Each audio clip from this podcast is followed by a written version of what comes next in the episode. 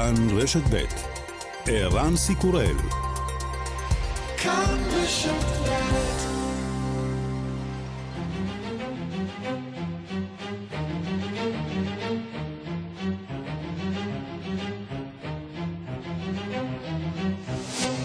השעה הבינלאומית 10 ביולי 2022 והיום בעולם. לפני שעה קלה נסגרו הקלפיות בבחירות לבית העליון ביפן, בחירות שהתקיימו בצל רציחתו שלשום של ראש הממשלה לשעבר שינזו אבה.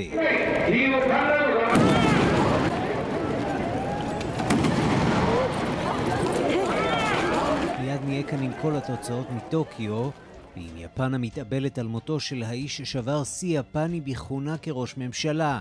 בתוך כך אוניזיקה טומואקי, מפקד משטרת נארה, מביע חרטה על המחדל האבטחתי. 内閣総理大臣が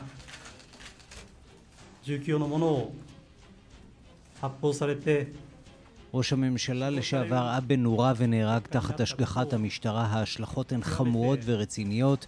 זה אירוע מצער מאוד. אני לא יכול להכחיש שהיו בעיות עם סידורי האבטחה שהובילו לתוצאה חמורה שכזאת. המשטרה חייבת לשקול צעדים מעשיים ולחזק את הסדרי הביטחון. הדרמה בסרי לנקה, מפגינים הקוראים להתפטרות הנשיא השתלטו אתמול על ארמון הנשיאות. אחד המפגינים אומר בריאיון לשעה הבינלאומית, אנחנו ניאבק למען השינוי. They, they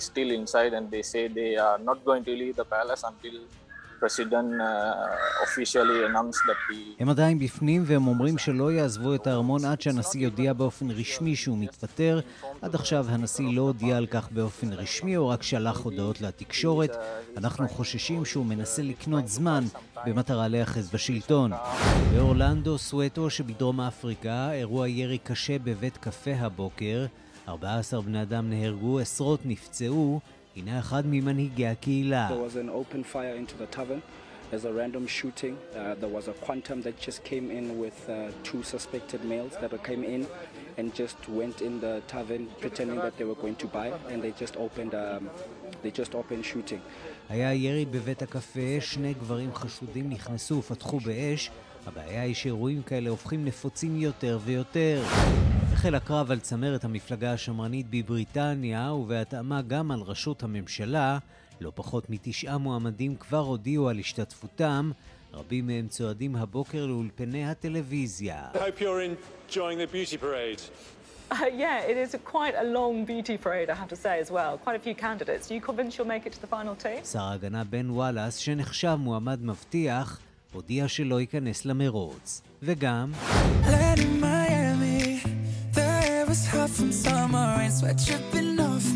הזמר שון מנדס מודיע באומץ על עצירת מסע ההופעות שלו, לאחר שדיבר לא מעט על התמודדות עם דיכאון וחרדה, הוא שיתף בסוף השבוע כי חזר מוקדם מדי לבמות, והוא לא מצליח להתמודד עם הלחץ. זה שובר לי את הלב, אבל הלחץ הכריע אותי.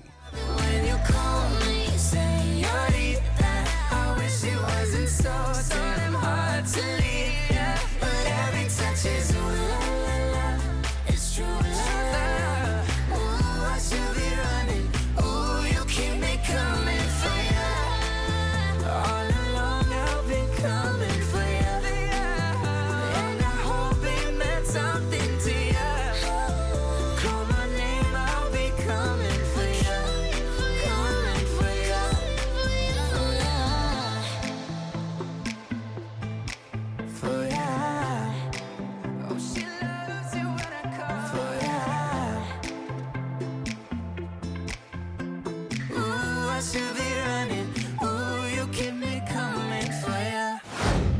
השעה הבינלאומית שעורך זאב שניידר, מפיקה אורית שולץ, בביצוע הטכני חיים זקן ושמעון דוקרקר, אני רנסי קורל, אנחנו מתחילים.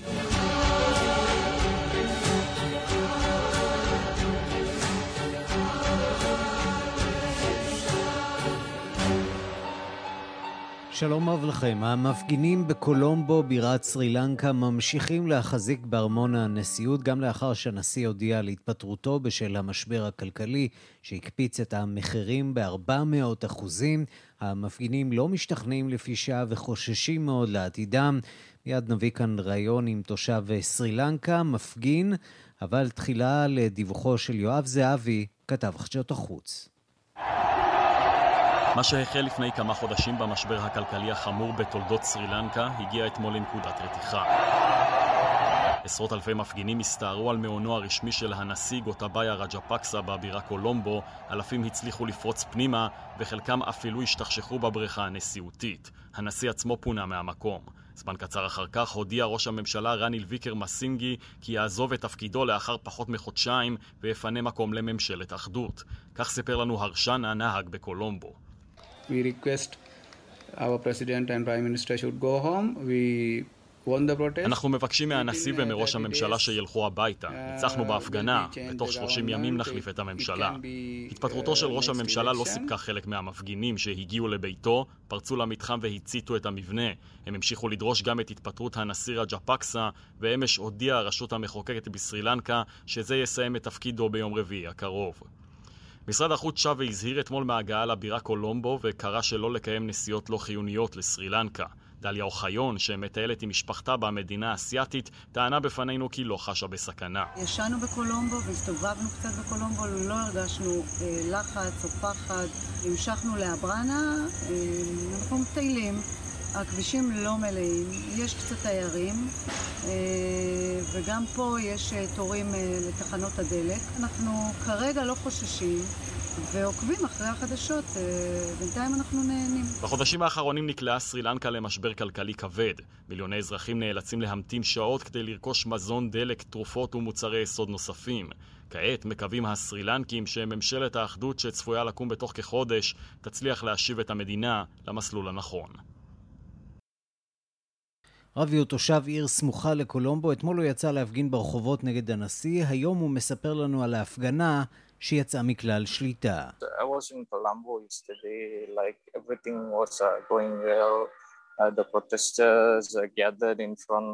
הייתי אתמול בקולומבו, הכל התנהל כהלכה, מפגינים התקבצו מול משרדי הממשלה, הם פרצו לבניין והצליחו להיכנס למשרדו של הנשיא. הם סרקו את המטבח ואת חדר השינה, מצאו כסף במשרדו של הנשיא, 17 מיליון רופיס במזומן. אחר כך כמה מהמפגינים המשיכו להשתולל, המשטרה ניסתה להשתלט על הקהל, הם השתמשו בגז מדמיע וזרנוקי מים, והחלו לפגוע באנשים, כמה עיתונאים נפגעו, כך שהמצב יצא מכלל שליטה. פתאום הייתה הפסקת חשמל שאחריה ראינו אש ועשן עולים ממגורי ראש הממשלה. כוחות הכיבוי הגיעו וכיבו את האש.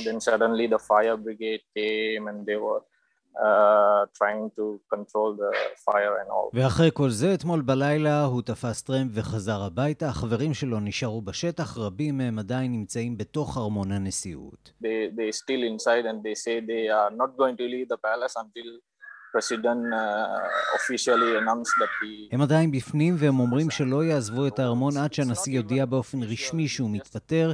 עד עכשיו הנשיא לא הודיע על כך באופן רשמי, או רק שלח הודעות לתקשורת. אנחנו חוששים שהוא מנסה לקנות זמן במטרה להיאחז בשלטון. שאלתי את רבי אם הוא מתכוון לחזור לעיר, והוא אומר, זה כבר לא כל כך פשוט. We don't have any private uh, transportation or train, we, we, we can't go over there just simply like that, so we have to... אין לנו אמצעי תחבורה, רכבות, אנחנו לא יכולים לנסוע סתם כך. אנחנו צריכים לתאם זאת עם חברים שיש להם רכב ודלק, אבל אנשים מוצאים דרכים בכל זאת להפגין, הם רוכבים באופניים לעיר, הם הולכים ברגל, הכל כדי למחות נגד הממשלה. ויש גם עוד רבים בתוך הבירה עצמה, קולומבו, רבים מהם גם היום נמצאים בקריית הממשלה. Inside the, inside the, inside the Colombo and the secretary of... הסיבה שכל כך קשה להגיע לבירה היא שפשוט אין דלק. המחסור בדלק והמחיר הגבוה שלו אחראים במידה רבה להצתת המהומות. It's kind of hard because uh, we, we, we never get uh, fuel for last two weeks. We having we having spending nights, uh, nights and nights in the queue קשה לנו מאוד משום שאנחנו לא מוצאים יותר דלק במשאבות. בשבועיים האחרונים בילינו לילה אחרי לילה בתור מחוץ לתחנות הדלק. אנשים נוסעים בעיקר באופניים, רואים את זה גם בכבישים. קשה לחיות כאן משום שההוצאות מרקיעות שחקים.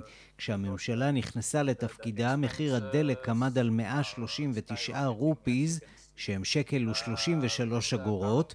היום כדי לקנות ליטר צריך לשלם 492 רופיז, שהם 4 שקלים ו-70 אגורות. קפיצה של 400 אחוזים. זה יקר, וברגע שמחירי הדלק עולים הכל מתייקר. כשהתחבורה יקרה, גם מחירי המזון עולים, וקשה לחיות כך.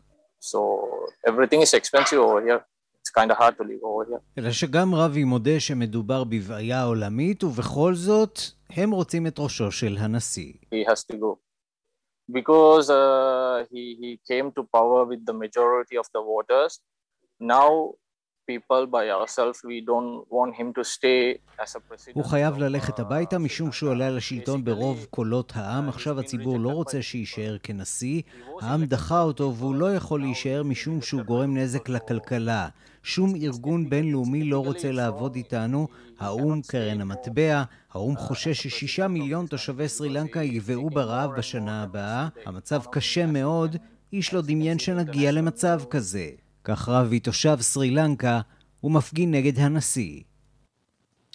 ושלום אה, לנאור גילון, אה, שגריר ישראל בהודו, בסרי לנקה ובוטן. שלום, שלום. אה, אני מניח שאתם בניו דלהי עוקבים בדאגה אחר המצב שם בסרי לנקה. נתחיל באמת אולי קודם עם נוכחותם של ישראלים. יש, להם, יש לכם הערכה כמה ישראלים נמצאים בקולומבו, בסרי לנקה בכלל?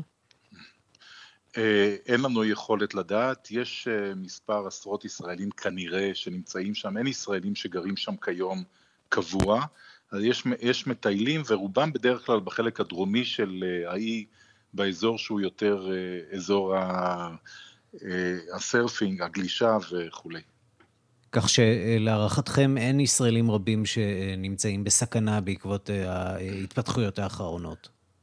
אנחנו מקווים שלא, ובגלל זה גם אתמול עדכנו את אזהרת הנסיעה שכבר קיימת די הרבה זמן לגבי סרי לנקה, ועודדנו אנשים אה, קודם כל לא להגיע לאזור קולומבו, ששם, אה, לבירה, ששם רוב הבעיות, וגם אה, לא להגיע לסרי לנקה אם זה לא באמת חשוב.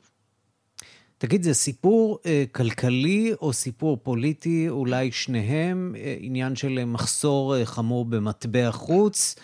או שיש כאן סיפור של שחיתות ציבורית? אני חושב שזה שילוב של כלכלי ופוליטי. מה שקרה זה שהנשיא רג'פקסה החליט לעבור באבחה לפני שנתיים לחקלאות אורגנית. הוא אסר על יבוא דשן, וזה פגע קשות מאוד בחקלאות. יש אה, סדר גודל של 8 מיליון עובדים סביב החקלאות במדינה של 22 מיליון איש, שכוח העבודה כמובן הוא חלק יותר קטן. אז uh, הייתה ירידה מאוד משמעותית בחקלאות, זה פגע גם בהכנסות של אנשים, ביכולת שלהם להשתכר, וכמובן גם בייצוא. אלמנט נוסף שמאוד פגע בהם זו הירידה בתיירות, והיו לזה שני גורמים אחד זה פיגועי הפסחא ב-2019, כששישה מחבלים מתאבדים אה, התאבדו במקביל בכל מיני מקומות, כולל כנסיות, והרגו סדר גודל של 250 איש, ומיד אחר כך נכנסה הקורונה, וזה פגע במדינה שנשענת על קורונה, בעיקר להכנסות מטח, וגם עם העובדים הזרים, שזה המקור השלישי להכנסות מטח, בגלל שינויי אה, רגולציה שם, הם הפסיקו להעביר את הכספים באופן רשמי למשפחות שלהם ומצאו ערוצים אחרים לא דרך הבנקים. וכל זה הביא אותם למעשה לחדלות פירעון בהקשר של אה, יכולת אה, לשלם מטח, לקנות דלק, לקנות אה, מוצרים בסיסיים, להחזיר חובות, בלאגן שלם. תרשה לי לנחש שלא רק אתם בדלהי עוקבים בדאגה אחרי מה שקורה בסרי לנקה, אלא גם הממשל המרכזי בהודו. אה, סרי לנקה, מדינה שכנה, מושפעת כמובן מהודו. איפה הודו בתוך כל הסיפור הזה?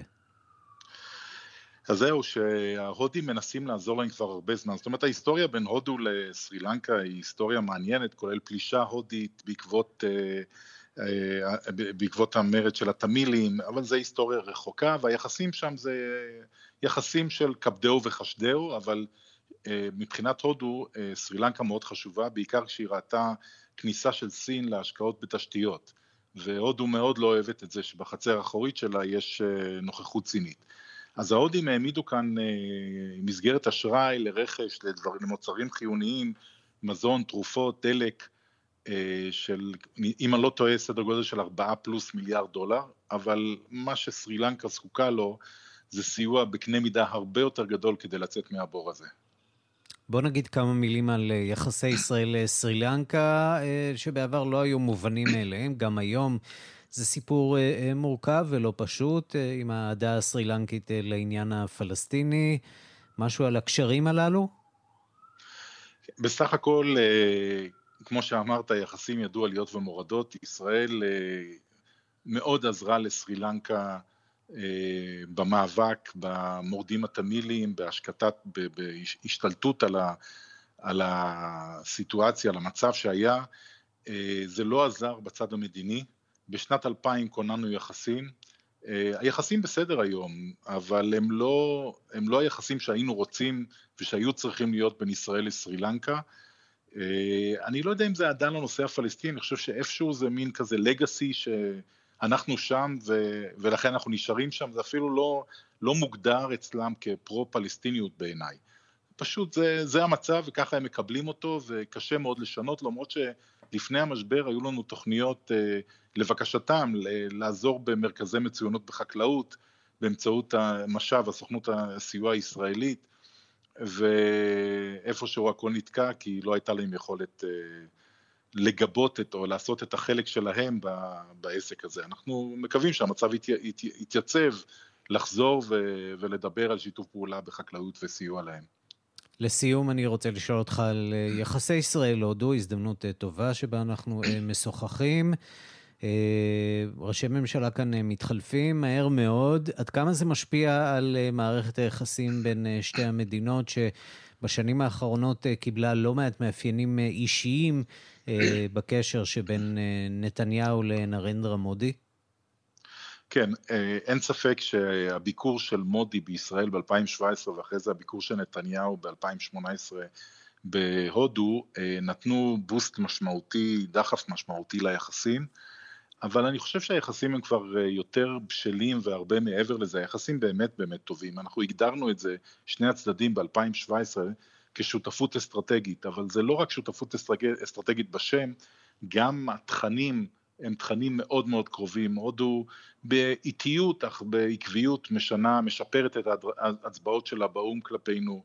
ישראל אה, מוכרת הרבה מאוד אמל"ח בהודו, הקשרים בחדשנות מתפתחים, אז זה אומנם התחיל בין שני האישים, אבל בגלסגו לדוגמה, בנט אה, כראש ממשלה פגש את אה, מודי, הייתה פגישה מצוינת, אה, שר הביטחון גנץ היה לפני כחודש, חודש וקצת, בהודו, פגישה מצוינת גם עם, גם עם מודי, אז אני חושב שהיחסים היום הם הרבה יותר בשלים והם כבר מעבר לשאלה של ראש ממשלה כזה או אחר. הדבר היחיד שנפגע לנו קצת מהסיטואציה הפוליטית היא שבנט היה אמור, אנחנו חוגגים 30 שנה ליחסים ובנט במסגרת זה היה אמור להגיע ולמרבה הצער הוא נדבק בקורונה שלושה ארבעה ימים לפני התאריך, ואז קיווינו שהוא יגיע במקום בקיץ, וזה לא נראה שזה קורה, ולא נראה שראש ממשלה ישראלי יגיע להודו בזמן הקרוב, אני מניח עד סוף השנה, בהתחשב בזה שאנחנו במערכת בחירות. אז אה, זה הופך את זה קצת למורכב, כי ביקורי הבכירים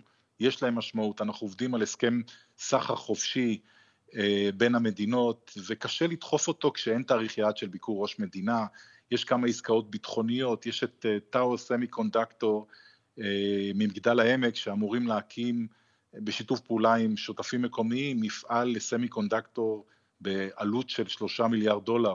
יש הרבה מאוד דברים שקורים, אה, מרכזי מצוינות ישראלים בחקלאות, אבל ביקורי בכירים בסוג כזה של יחסים יש להם ערך רב מאוד, ואני מקווה שנצליח לייצר ביקור רב. כן, וצריך לומר שיש עוד משהו משותף בין ישראל להודו, וזה הניסיון להישאר עד כמה שאפשר אה, רחוק מהסכסוך בין אה, אוקראינה לרוסיה. אה, הודו סופגת על זה לא מעט ביקורת ממדינות המערב, על העמדה המאוזנת שלה כלפי הסכסוך בין שתי המדינות, נכון?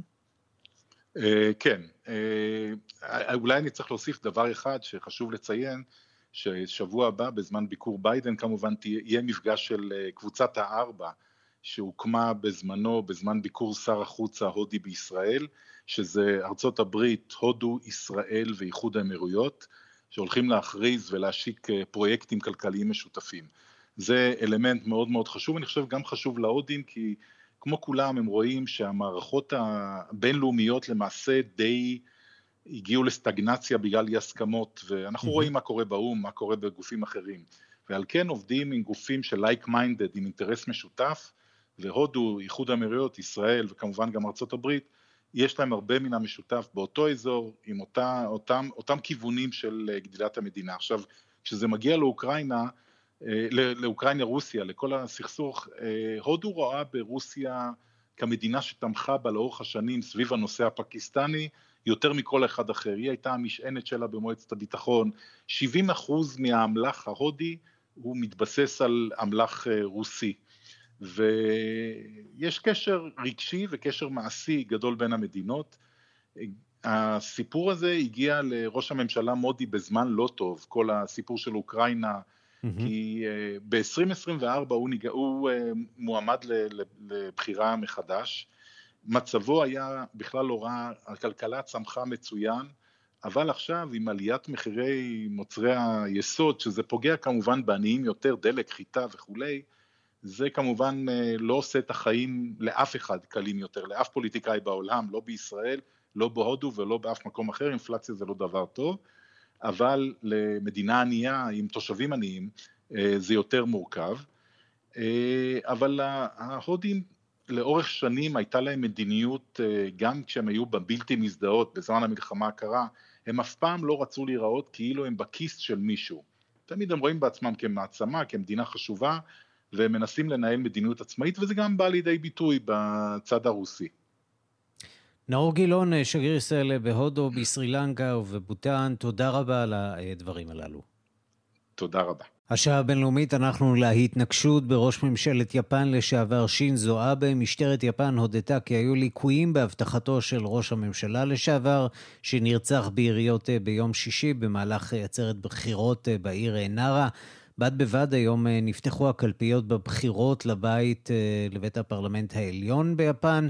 בניסיון להוכיח שהחיים נמשכים למרות הכל, הדיווח של כתבת תחום החוץ, מיכל רשף. יפן עדיין מוכת הלם מההתנגשות בראש הממשלה לשעבר שינזו אבה ביום שישי, אבל אף האירוע הקשה החליטה הממשלה שם לקיים היום את הבחירות לבית העליון של הפרלמנט כמתוכנן. בשעה שבע בבוקר נפתחו הקלפיות בכל רחבי המדינה, ועד כה אחוז ההצבעה עומד על 23 אחוזים, גבוה יותר מבעבר. פרשנים מעריכים כי הרצח עשוי להגביר את התמיכה במפלגת השלטון, המפלגה הליברלית-דמוקרטית, אליה השתייך גם אבה. ואולם, יש שחושבים אחרת. 影響は受けていませんけれども、まあ、なおさらその今回投票した候補者に対して、えー、安倍さんの分も... לרצח אין השפעה על העמדה שלי לגבי המועמדים, מספר אחד המצביעים, אבל אני מלא תקווה, אף יותר מבעבר, שהמועמד שהצבעתי לו יוכל למלא את תפקידו באופן פעיל למען זכרו של אבה. הקלפיות ייסגרו בשעה שמונה בערב שעון יפן. ניצחון לנציגי המפלגה הליברלית-דמוקרטית יאפשר לראש הממשלה הנוכחי, פומיו קישידה, לקדם את מטרותיו ביתר קלות. במקביל מתפרסמים פרטים חדשים מחקירת ההתנקשות. במשטרה המקומית אמרו כי הרוצח, תצויה ימגמי, בן 41, הודה בחקירה כי כעס על אבה, כיוון שהיה סבור כי הוא קשור לארגון דתי שגבה כספי תרומה מאימו והוביל אותה לקריסה כלכלית. גורמים המעורבים בחקירה סיפרו עוד כי האקדח המאולתר שבו השתמש הרוצח אמור היה לירות שישה כדורים בו זמנית, וכי ימגמי החזיק בביתו חומרי נפץ מהם רצה להכין פצצה מאולתרת. עוד דווח בכלי התקשורת המקומיים כי הרוצח הגיע יום קודם לכן לאירוע בחירות בהשתתפות אבה בעיר אוקיאמה, אולם ויתר על תוכניתו ברגע האחרון, לאחר שהבין כי הקהל באירוע צפוי לעבור בידוק וסינון. הלילה מפקד משטרת נארה, העיר שבה אירעה ההתנגשות, לקח אחריות לאירוע והודה כי היו בעיות באבטחתו של אבה. גופתו של שינזו אבה הגיעה בסוף השבוע לטוקיו, הלווייתו תיארך ביום שלישי הקרוב. שלום להדס קושלביץ'. צהריים טובים, זאב. דוקטורנטית אה, בפקולטה למשפטים באוניברסיטת אה, אוסקה שביפן. אה, אני מבין שבשעה האחרונה יש כבר תוצאות ראשונות מהבחירות לבית העליון של הפרלמנט. זה נראה כאילו שמפלגת השלטון תמשיך לשמור על רוב, נכון? נכון, בהחלט. נראה שהיא תמשיך לשמור על רוב, ולא רק זה, נראה שגם שיעורי ההצבעה גבוהים בהרבה מבשנים האחרונות. עד כמה זה הושפע מהרצח של ראש הממשלה לשעבר? קשה להגיד על אה, רגל אחת, אך לאור, אה, אם מסתכלים על אה, התנהגות פוליטית לאורך זמן, אז אפשר אולי להגיד שבאמת אפשר לראות, אולי נראה שינוי בעתיד הקרוב באזרחות הפוליטית של אזרחי היפן שנחשבים כמנומנמים או אדישים לפוליטיקה המקומית. ספרי לנו קצת על האווירה. אנחנו, כשאנחנו מדמיינים את אה, מזרח אסיה, אה, אנחנו, מיד מגיע לנו בראש הדוגמה של קוריאה הצפונית והאבל הפומבי. יפן זה סיפור אחר לחלוטין, מנהיג אה, נרצח ואין ביטויים או גילויי אבל בולטים ברחובות מעבר להנחת זרי פרחים קצת בנערה, לא הרבה יותר מזה, נכון? אה, לא, לא מדויק, אה, באמת התפיסה כלפי אה, החברה היפנית היא שהיא אדישה פוליטית או מאוד מופנמת, אך למעשה אפשר לראות שינוי מאוד גדול באווירה בין קמפיינים קודמים לקמפיין הנוכחי ועד אפילו יום שישי בצהריים. בשבועיים האחרונים רחובות מלאים באקטיביסטים פוליטיים שרובם באמת בגילאים מבוגרים יותר, אה, אך אה, מיום שישי בצהריים יש שקט ברחובות, הקמפיינים ירדו באופן משמעותי ברחובות ויש איזושהי תחושה של אבל. בנוסף, אה, אפשר לראות התקבצויות של לאו דווקא פעילים פוליטיים, אלא אפילו צעירים שבאים ומראים את תנחומיהם לא רק בנארה, אלא גם בטוקיו, אוסקה, קיוטו. זה כנראה פחות משודר אה, כלפי חוץ, אך בהחלט אפשר לראות את זה. כל ערוצי הטלוויזיה מדברים רק בנושא, אפילו אסונות טבע. אה, לא בגודל, אה, סדר גודל כמו בפוקושימה, אך באסונות טבע אחרים שקורים ביפן לא משודרים בכל ערוצי הטלוויזיה ברמה הלאומית, והאירוע הזה בהחלט נמצא שם. אפשר לראות גם התבטאויות של צעירים, אם זה ברשתות החברתיות, אם אפילו ב... ישיבה בבית קפה, ככה לשמוע את, ה, את, ה, את הנושא עולה כמה או כמה פעמים משולחנות שונים. בואי נדבר רגע על הרוצח והמניע של הרצח שלנו באוזניים ישראליות נשמע קצת אה, משונה. אה, הרוצח האשים את ראש הממשלה לשעבר שיש לו קשרים עם סוג של כת או אה, דת שלמעשה חלבה כספים מאימו. מה קרה שם? מה אנחנו יודעים על אה, גם על הסיפור הקונקרטי הזה וגם בעצם על, על, על המעורבות של אה, שינזו אבה בתנועות אה, כאלה, תנועות דתיות.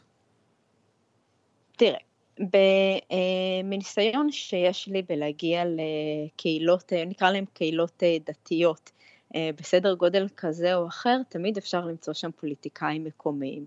זה מוביליזציה אה, של אה, קולות, כמו בכל מקום אחר, רואים את זה גם ביפן ורואים את זה הרבה. יש הרבה מאוד קהילות דתיות ביפן, שונות, ואף יש כאלה שיגידו משונות, וזה בהחלט... הקשר בין פוליטיקה ודת הוא אסור בהחלט, ועל כך אה, יש אה, סעיפים שמדברים על זה אפילו אה, בחוקה. המעורבות של אבא בקהילות דתיות היא כמובן באיזשהו מסווה של פעילות חברתית או כזו או אחרת, לאו דווקא בפעילויות חברתיות. אשתו ב... לפני כמה שנים הואשמה ש... אה, אה, אה, הובילה או גרמה לתרומה גדולה לאוניברסיטה שמזוהה עם קהילה דתית, סוקגקאי, ובהחלט היה אחרי זה שערורייה מאוד גדולה. המניע של הרצח, הייתי אומרת שלאוזנינו זה נשמע אף מוזר, כי בהחלט זה לא נשמע כמו איזושהי סיבה פוליטית. כלומר, אבא ידוע בשנים האחרונות מדיניות ה Abenomics שלו, מדיניות כלכלית, פוליטית, ל... אה, להעלות את קרנה של יפן בחזרה למקומה שהייתה. ולמעשה אותו אה, בחור בן 41 מיאמאגי, שזה גם מוזר אגב בפני עצמו, זה לא פרופיל של אה, מתנקש אדם בן 41 בדרך כלל. נכון, נכון מאוד.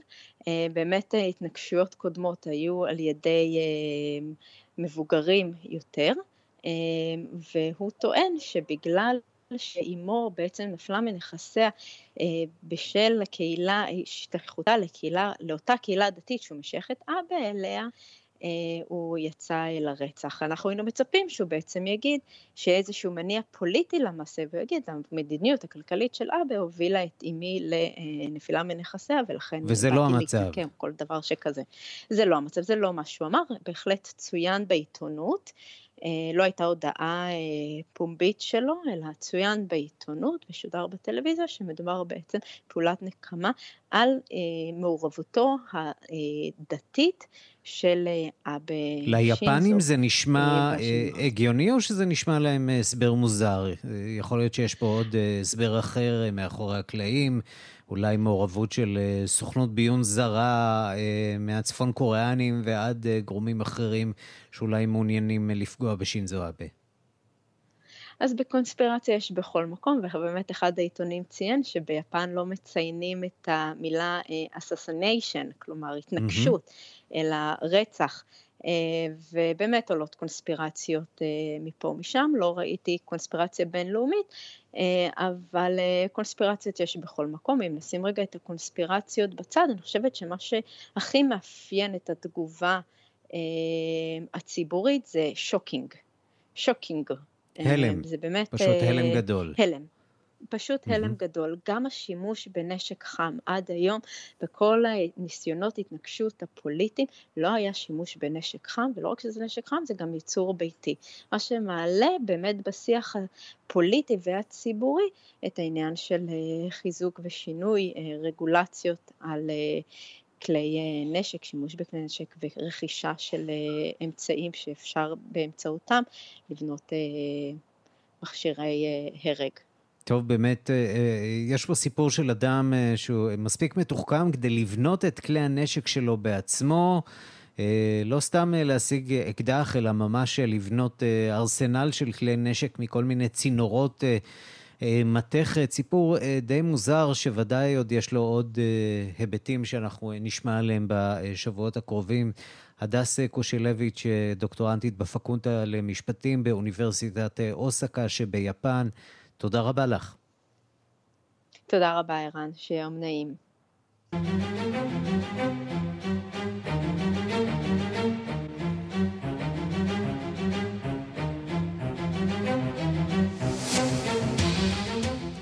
אנחנו לאוקראינה, בחזית האוקראינית הצבא הרוסי מתקדם לאיטו, אה, תוך כדי הפגזות קטלניות באזור דונבאס, הוא מאיים עכשיו על העיר סלוביאנסק, כשהמטרה אחריה קרמטורסק, אבל נשיא רוסיה פוטין מזהיר את המערב ואת אוקראינה, הדברים הרציניים באמת עדיין לא החלו. הדיווח של כתבנו גדעון קוץ.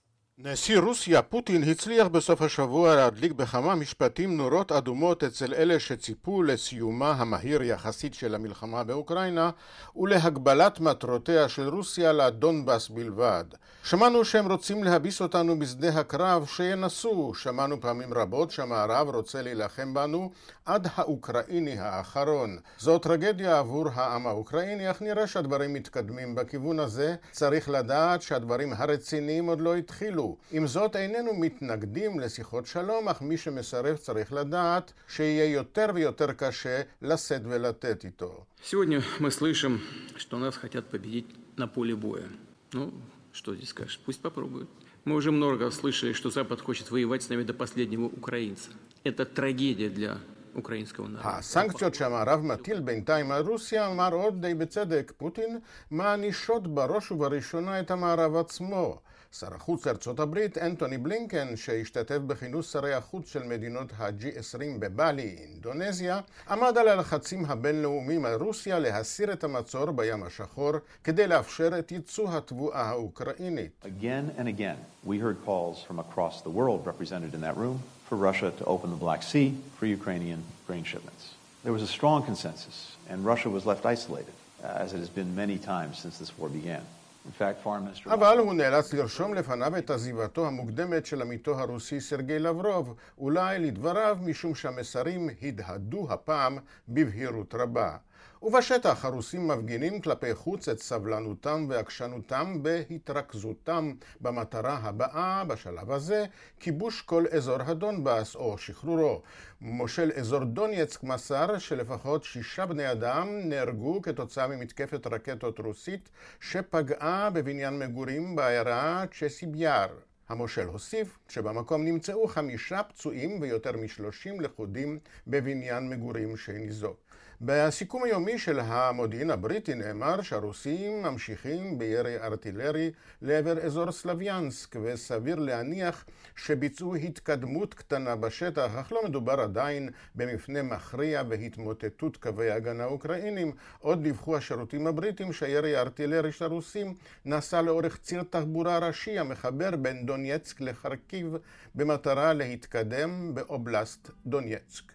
נשיא אוקראינה, ולדימיר זלנסקי, לא הסתיר את המצב הקשה. Тільки за одну цю добу Росія била по Миколаєву, по Харкову, по Кривому Рогу, по громадам Запорізької області. Била саме по житловому сектору. Абсолютно. במשך יום אחד רוסיה תקפה את מיקולאייב, חרקיב, קרימירי. ומקומות נוספים באזור זפוריז'ה. התקיפות כוונו במכוון כלפי אזורי מגורים, מתקנים אזרחיים ואנשים סתם, הם הקורבנות, מתים או פצועים. ההפגזות הברוטליות בדונבאס אינן מפסיקות ולו ליום אחד. זלנסקי הודה לארצות הברית על אישור חבילת סיוע חדשה למדינתו בגובה 400 מיליון דולר ואמר במסגרת נאומו הלילי כי חבילה כזאת הכוללת מערכות נשק מתקדמות תאפשר לנקוט צעדים מדויקים כדי להפחית את מספר תקיפות הטילים הרוסיות על האוכלוסייה האוקראינית. הוא הוסיף והזכיר שרק כלי נשק מודרניים ובעלי עוצמה מסוגלים לעצור את רוסיה. ובהקשר זה שר ההגנה האוקראיני אולקסי רזניקוב הודה ששמי ארצו אינם מוגנים מפני טילים ורקטות רוסיים, אך הוא טוען שהפתרון אינו רכישת מערכת כיפת ברזל, אלא שימוש במערכות מקומיות שיותאמו לאופי הלחימה של אוקראינה מול רוסיה. השר שהשתתף בכנס כלכלי של פורבס הסביר מדוע כיפת ברזל אינה יעילה באוקראינה, מכיוון שזו מערכת שמתמודדת נגד טילים שנורים בגובה ובמהירות נמוכים. לדבריו, כיפת ברזל אינה מגינה מפני טילי שיוט וטילים בליסטיים כפי שיש לרוסיה, לכן על אוקראינה ליצור מערכת הגנה אווירית משל עצמה, או להשיג אחת כזו, אז קצת פחות ייסורי מצפון לישראל. כאן גדעון קוט. השעה הבינלאומית, אז יקנה או לא יקנה? שלושה חודשים אחרי שהדהים את העולם בהודעה על רכישת טוויטר ב-44 מיליארד דולרים, אילון מאסק מתחרט, וגם זה אה, לא ממש מפתיע. שלום ליגאל רביד, כתבנו בלוס אנג'לס. שלום ערן, בוקר טוב. כמה שאלות כאן אה, לא ממש ברורות. הדבר היחיד שבטוח כאן הוא קרב משפטי יקר וארוך בין הצדדים שכבר זולג גם לפוליטיקה. למה בעצם? הכל תלוי במספרים, נכון, אמרנו כשבישרנו בחודש אפריל על הרכישה המסתמנת או הצפויה או זו שנסגרה, שאילון מאסק או אילן, כפי שמכנים אותו, הוא האדם הכי לא צפוי בעולם העסקים והטכנולוגיה בעולם בכלל, בוודאי בארצות הברית. למה הוא הציע 44 מיליארד דולר? הוא חי בתקופה שהייתה לא כל כך מזמן, שבה אמירה שלו, ציוץ שלו, יכולים היו להקפיץ מניות ואפילו מטבעות קריפטו.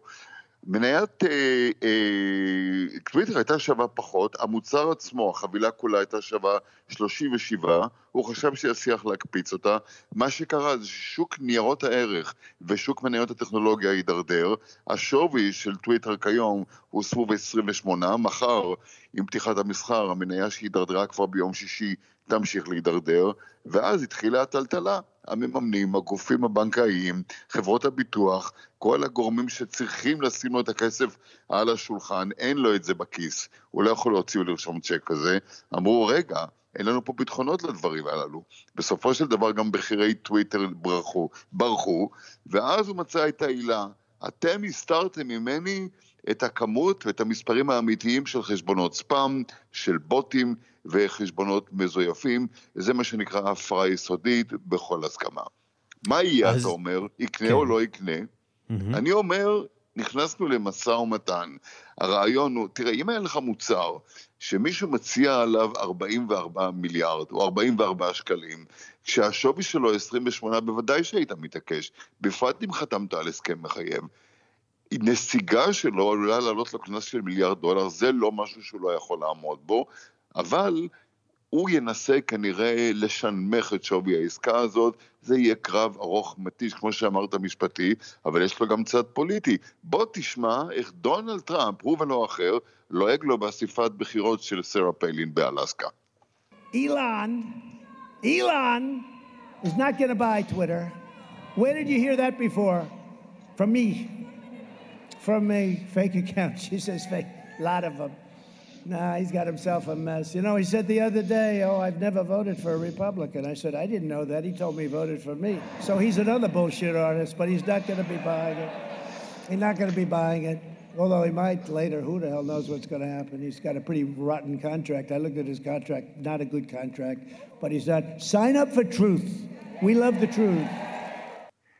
אנחנו אוהבים את האמת, כן, הוא קורא לו אומן הפולשי. שני אנשי עסקים מצליחים, אך בלתי צפויים, אה, אה, בוא נאמר כן, את זה ככה. ולשניהם אין דעה יותר מדי חיובית אחת על השנייה, כפי שאתה נוכח אה, ושומע כאן. הוא קורא לו אומן הבולשיט, זה אגב אחת האמירות היותר מעודנות שטראמפ משמיע בנאום הזכוח למה הזה. למה בעצם? ו... כיוון שאילון מאסק טען שלו הוא הבעלים של טוויטר, הוא מאפשר לדונלד טראמפ לחזור לצייץ, לכאורה... מצוין, נכון. כן. כן, נכון. לכאורה היה צריך אבל... לחבר ביניהם דווקא. אל תשכח שיש פה עניין אישיותי, יש פה אגו שגדול משניהם ביחד, וסך הנתונים לא נותנים את השלם. יש פה דבר נורא מעניין, הוא מכנה אותו פשוט שקרן. אומר טראמפ, אילן מאסק אומר שהוא לא מצביע למועמדים רפובליקנים, אבל הוא אמר לי אישי שהוא הצביע עבורי. אז בוא, תפסיק להיות אומן הבולשיט, כפי שהוא כינה אותו כאן, שמעת הרגע, ובוא תאמר את האמת, אנחנו רוצים את האמת, הוא לא, כמובן, זו הייתה עסקה רעה. ברור ש-44 מיליארד הייתה עסקה רעה, המספרים תגיד, מדברים מה, בעד עצמם. מה כל הסיפור הזה עושה לאילון מאסק, אה, שאנחנו אה, רואים אותו אה, מנהל מדיניות כלכלית די מוזרה, כל ההתעסקות שלו עם הקריפטו, של להעלות מטבעות וירטואליים שלא שווים כלום, לקנות הרבה מהם, למכור אותם מהר מאוד במין משחק רולטה כזה. אה, כל ההתנהלות הזאת היא נתפסת אה, כמאוד מאוד לא צפויה. לכאורה זה היה אמור להשפיע גם על העסקים שלו. כן, תראה, אנחנו מזהים אותו בעיקר עם טסלה, המכונית החשמלית והמוצרים הנלווים לה, ההצלחה הגדולה שלה בעולם, אבל נכון, גם SpaceX זה גם מוצרים ופלטפורמות נוספות, אין שום ספק, האיש הזה הוא אחד היזמים והגאונים העסקיים והטכנולוגיים הגדולים בדורנו, אבל בא באותה שעה האיש גם לגמרי בלתי צפוי, יש פה את העניין האישיותי, אנחנו אומרים את זה כל הזמן, אמרתי את זה אצלך באולפן, ערן, בזמן ביקור בארץ באפריל, כשיצא הסיפור הזה, איש לא יכול לצפות את ההתנהגות שלו כמו של אנשים אחרים מסוגו. עכשיו, הוא גם שליט יחיד ובלעדי על הדבר האדיר הזה, שנקרא טסלה, SpaceX וכל העסקים האחרים שלו. ולכן רק עסקה שבה הוא נאלץ לשלב כוחות וידיים עם גורמים כלכליים, מממנים וכספיים אחרים, כאשר אותם גורמים פיננסיים מסתכלים על השורה התחתונה, כן. שבה, כמו שאומר טראמפ bullshit talks, but money walks, הם אלו שיגידו לו מה לעשות. יגאל רביד, תודה. תודה לך, ערן. ואנחנו עם כמה צלילים מהזמר בן ה-23, שון מנדס, שמבטל את סיבוב ההופעות העולמי שלו כדי לטפל בבריאותו אה, הנפשית. אה, הוא כותב שהוא אה, מסתובב מסביב לעולם מאז גיל 15, קשה לו להיות מהחברים ומהמשפחה. ואחרי כמה שנים שהוא לא עשה הופעות, הוא קיווה שהוא מוכן לזה, אבל הלחץ והמתח עשו את שלהם. הוא הגיע לנקודת שבירה ועכשיו הוא רוצה לנוח. אנחנו כמובן מאחלים לו איחולי החלמה. But I know that I'll make it out alive if I quit calling you my lover and move on. You watch me bleed till I can't עד כאן השעה הבינלאומית מהדורת יום ראשון שערך זאב שניידר, המפיקה אורית שולץ, הטכנאים חיים זקן ושמעון דוקרקר, אני רנסי קורל. מיד אחרינו רגעי קסם עם גדי לבנה. אנחנו נפגשים שוב מחר בשתיים בצהריים עם מהדורה החדשה של השעה הבינלאומית. כל התוכניות של השעה הבינלאומית אה, נמצאות אה, באתר אה, האינטרנט של כאן וביישומון, תוכלו למצוא אותם שם. כתובת הדואר האלקטרוני שלנו, בינלאומית את כאן.org.il. חפשו אותי בטוויטר, ערן סיקורל, להתראות. Your bitter heart cold to the touch Now I'm gonna reap what I sow. I'm left seeing.